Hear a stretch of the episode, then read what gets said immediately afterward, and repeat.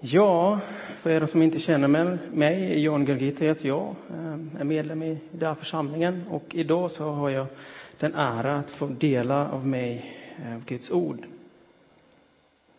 En av de få minnen som man har, eh, eller som jag har ehm, från min barndom är eh, när ehm, min mamma eller pappa har lovat mig någonting och sen kunde de inte hålla det.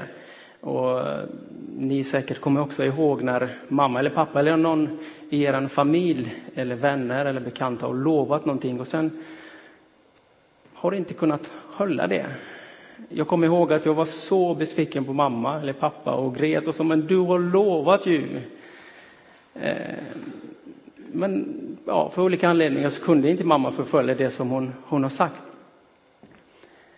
När vi tittar i Guds ord i Bibeln så um, det finns ju otroligt många löften som, som Gud um, har lämnat till oss.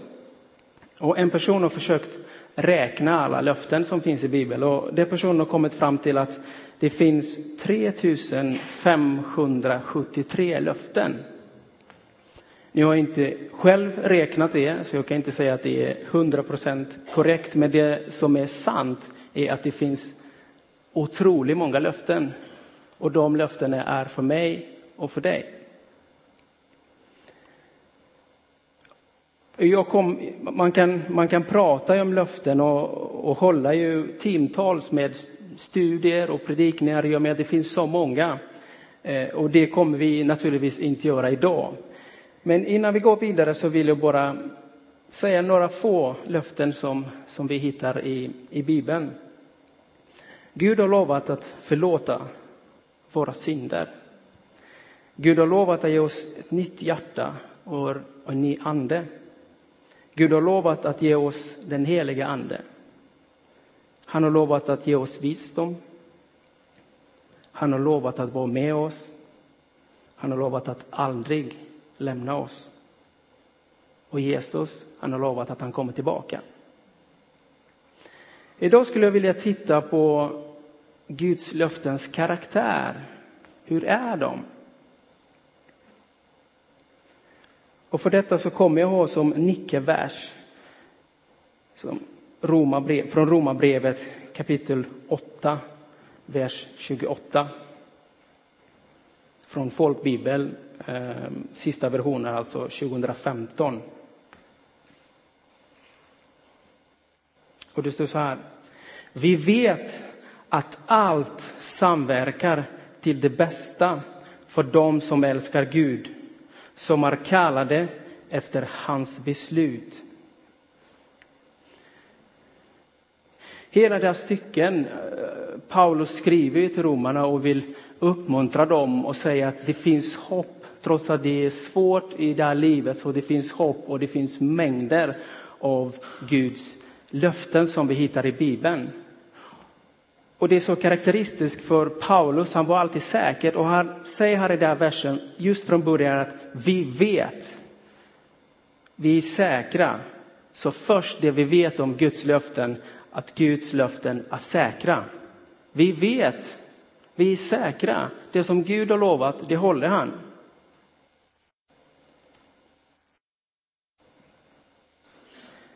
Och mm, I Gamla testamentet så hittar vi en väldigt intressant historia när Guds folk Israel kom ut från Egypten och de var ju på väg till den land där Gud har lovat dem. Då passerar de eh, genom Moabs land. Och det är kungen som var ju där i, i Moab, eh, Balak, han har hört att där israeliterna har passerat då har, då har det liksom hänt massa grejer och då blev han rädd.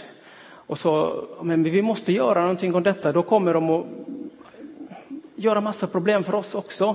Och det han gör, han har hört att det finns en profet, en man som kunde tala med Gud direkt. Det profetens namn var ju Biliam. Då går han till den här profeten Biliam och säger, vill du vara så snäll och komma och förba, för, eh, förbar, eh, förbanna det här folket eh, för att han visste ju det, Biliam har ju tillgång och han pratar direkt med Gud. Han kan bara be Gud, Gud kan du inte bara förbanna det här folket? Och naturligtvis Biliam säger nej, det kan jag inte göra. Eh, för han frågar först Gud, men sen Gud tillåter honom och säger, men du kan gå. Och han går och så skulle istället för att ska eh, förbanna det här folket så välsignar han istället. Och det finns en väldigt intressant vers, så här säger han. Gud är inte en människa så att han skulle ljuga. Inte en människoson så att han skulle ångra sig. Säger han något utan att göra det? Talar han något utan att fullborda det? Nej, det gör han inte. Om Gud har sagt att jag kommer att välsigna israeliterna så att de kommer fram till det land jag har lovat så kan, så kan Gud inte bara bryta det löftet. Gud har välsignat och, och, och fortsatt välsigna Guds folk. Så det är därför den här profeten Biljam kunde inte förba, förbanna dem. Så om Gud har lovat mig någonting, ingenting kan stå emot det. Om Gud ger, gör, gör, ger mig en välsignelse, då kommer han och välsigna mig. Det är vi säkra för det. Och i andra Korinthierbrevet 1 och 20 står så här. Alla Guds löften har i honom fått sitt ja. Därför får de också genom honom sitt amen för att Gud ska bli ärad genom, genom oss. Och det är naturligtvis alla Guds löften får sitt ja och amen. De är sanna. Gud kan inte ljuga. Om Gud har lovat det, det, det, det, det håller han. Så att Guds löften är säkra.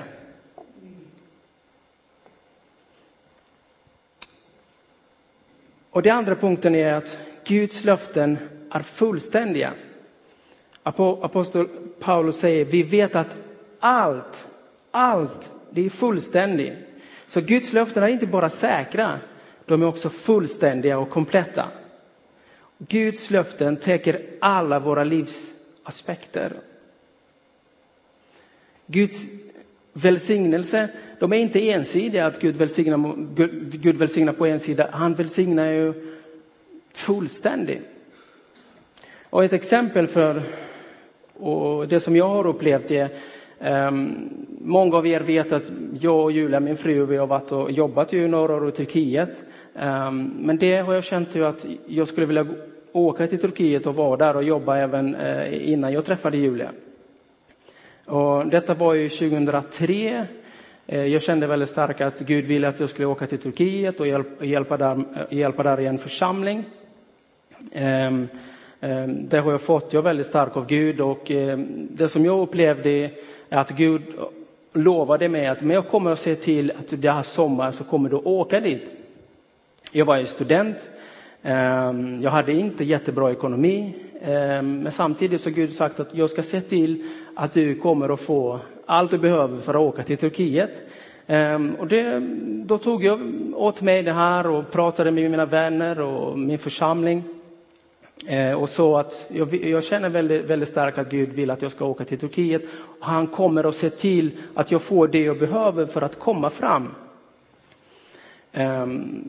jag skulle åka i slutet av sommaren, i september någon gång. Ehm, under sommaren så har jag försökt jobba och samla lite pengar eh, så att jag kan ha det, men ehm, jag har inte kunnat samla tillräckligt mycket för att, för att jag ska kunna ta mig hela vägen till Turkiet och även hårdar ehm, pengar för eh, en hel månad. Men jag visste att Gud, han är trofast sina löften och att jag kände att Gud har lovat att han ska på något sätt hjälpa mig att, att komma fram. Ehm, det var ju sista söndag innan jag skulle åka till en läger och sen från det läger ehm, åka vidare, så jag hade inte tillräckligt med pengar. Ehm, men jag gick ju till, på söndag till, till, till kyrka som jag, som jag brukar göra alltid och, och, och litade att Gud kommer på något sätt att hjälpa mig. Och det visade sig att just den dagen så hade vi en gäst eh, som predikant. Eh, och hans ämne för en predikan var att, ehm, att vi ska ge och välsigna andra Och det kan handla om att ge materiella eh, saker och ting och andra, och andra, och, och, och andra saker och ting. Ehm, nu visste ju en del av mina vänner och hela församlingen visste ju att mina planer på att jag ska åka eh, och de bad för mig. Ehm, men det här predikan på något sätt så har ehm, eh, gjort ju lite extra att folk förstod det att, att vi, vill gärna välsigna eh, John så att han kan åka till Turkiet. Så efter godkännelsen så fick jag massa av kuvert och massa av folk som kom till mig och sa att jag, jag kände väldigt starkt att Gud vill att du ska få det här och det här och det här.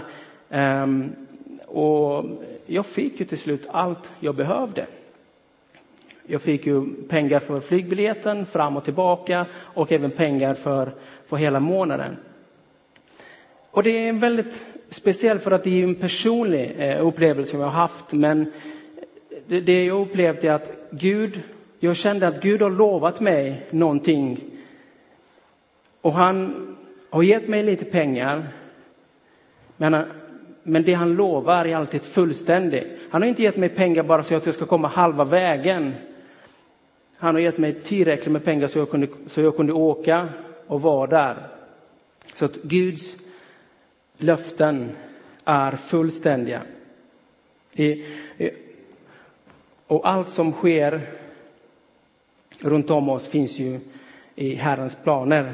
I Ordspråksboken 16.4 står det att allt som Herren skapar har ett syfte. Så kanske Gud ville hans syfte var ju att jag ska lita på honom mer och lita på hans löften så att han gjorde det i sista sekunden.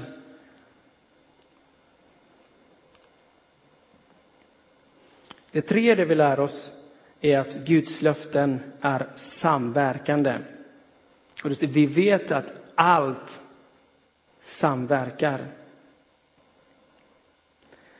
Och då kan du tänka och säga, men vänta lite.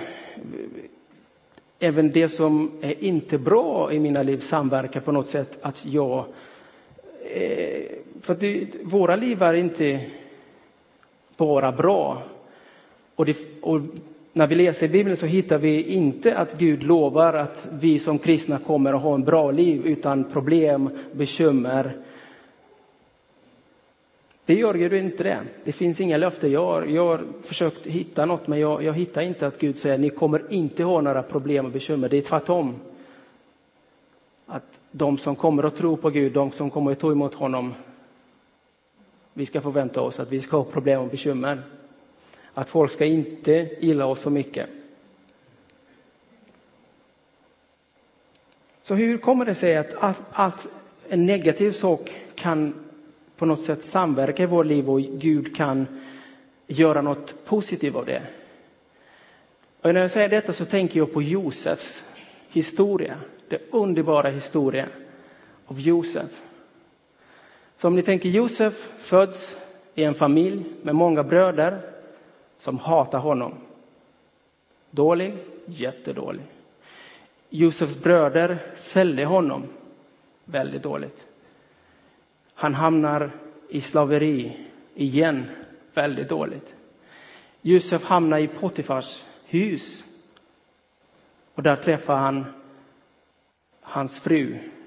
Fruktansvärt. Och sen hamnar han i fängelse igen, dåligt. Och sen i fängelse så tror han att hans nya polare som har skapat där i, i, som har träffat där i fängelse, han kan gå till farao och säga att men Josef, han, han, han, han är oskyldig. Igen dåligt. Och sen händer det att han blir ju premiärminister eller statsminister för en av de största imperierna som har funnits i den här världen. Så det har varit bara dåligt hela tiden och sen blivit positiv. Och Josef själv erkänner att det var Gud som tog honom till Egypten. När hans bröder kommer där och de, eh, de förstod att det var Josef, då blev de jätterädda. Att nu kommer Josef att komma och hämnas. Och de säger nej. Det var Gud. Det var Gud som tog, oss med, som tog mig till Egypten.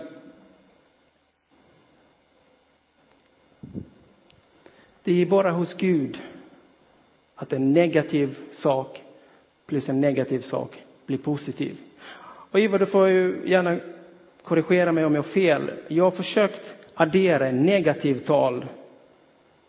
Alltså minus 2 plus minus 2 blir ju alltid minus 4. Kan någon gång bli plus när man adderar? Alltså.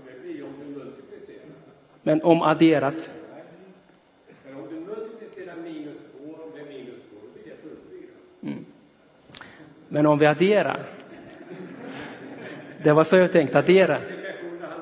Ja. Alltså, en negativ händelse i mitt liv följd av ett annat negativ händelse i mitt liv kan göras till något positivt.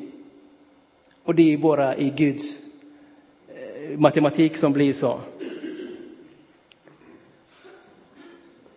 Det är, inte, det är inte Gud som skapade det onda och det komplicerade i våra liv. Det är han som kan göra det, som kan omvandla det negativa till något positivt. Och det är därför Guds löften, Guds löften är samverkande. De är till vårt bästa. Och det fjärde är att Guds löften är konstruktiva, alltså de är positiva. Vi vet att allt samverkar till vad då? Till det bästa. Inte till, till något annat, till, till, till vårt bästa. För att upplyfta oss, för att ge oss hopp.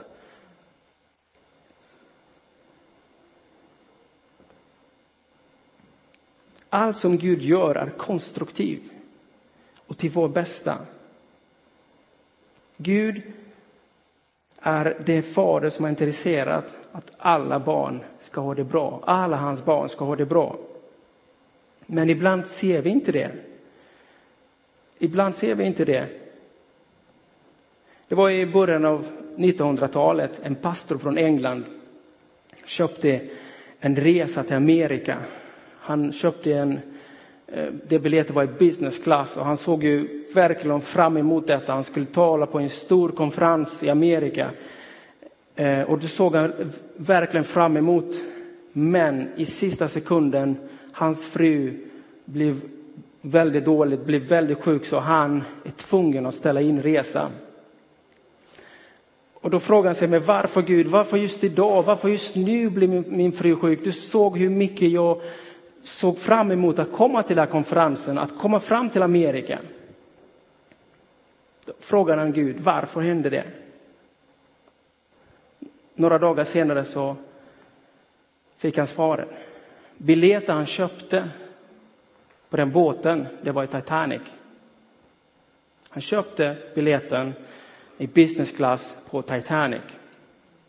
Ibland ser vi inte för att Gud, för att vi ser bara nuet, men Gud som ser hela bilden så tillåter han något som kanske vi för nuet upplever, upplever som hård och svårt. Men Gud som ser hela bilden, han tillåter att vissa saker händer, men de är till vår bästa. Det är, igen, det är Guds konst att göra en sån sak. Det är precis som att om man ska laga en tårta, en prinsesstårta säger vi. Vi kan inte ta marsipanen och säga så här, men, men vi, vi, vi, behöver inte baka det. Jag kan ta en bit marsipan och lite bakpulver och, och något annat och äta det. Det blir, det blir inga tårta, eller hur? Man måste kunna receptet, man måste kunna göra det. Och hos Gud blir alla tårtor perfekta. Och vet ni varför? För att han kan recepten. Gud kan recepten. Så det är pastorn, Stuart Holden, som verkligen såg emot detta, att han ska åka till Amerika. Så sker detta att hans fru blir dåligt. Och det, var, det visade sig att det var Gud som gjorde detta. Han vill, ville beskydda Stuart. Och ibland ser vi det negativa som en riktigt svår grej, men för Gud är något konstruktivt. Kanske en, en svår situation i våra liv bidrar att vi närmar oss mer Gud. Och för det femte, det vi lär oss från den här versen är att Guds löften är villkorliga. För dem som älskar Gud. Vi vet att allt samverkar till det bästa för dem som älskar Gud. Guds löften är för oss. Det är inte för någon annan. Guds löfte är för oss. Vi, vi är Guds barn. Vi älskar Gud och Guds löften är för oss. Och det som vi måste göra och ta tillvara är att, att, att gå in i Guds ord, lära dem och läsa de här löften och gå till Gud och säga Gud, du har lovat. Och det, är ju, det är väldigt starkt för att om jag säger till, till min treårige Jonathan att på söndag när vi ska åka till kyrkan, då ska du få russen, då lovar jag. Och när vi kommer hit och han säger, kan jag få, kan jag få, kan jag få, kan jag få russen? Du har lovat ju. Jag kan inte stå emot det. Eller någon annan gång när jag har lovat och så kommer mitt, min son Jonathan och säger, pappa du har lovat. Det är, det är väldigt starkt. Då, då, då kommer jag ihåg, ja, precis, jag har lovat. Och jag tänker det är samma sak när jag skulle gå till Gud i bön och säger, Fader Gud, du har lovat att du kommer aldrig lämna mig. Du har lovat att du kommer att svara på mina bön. Vi måste ta mer tillvara på Guds löfte och använda i våra liv, i våra dagliga liv.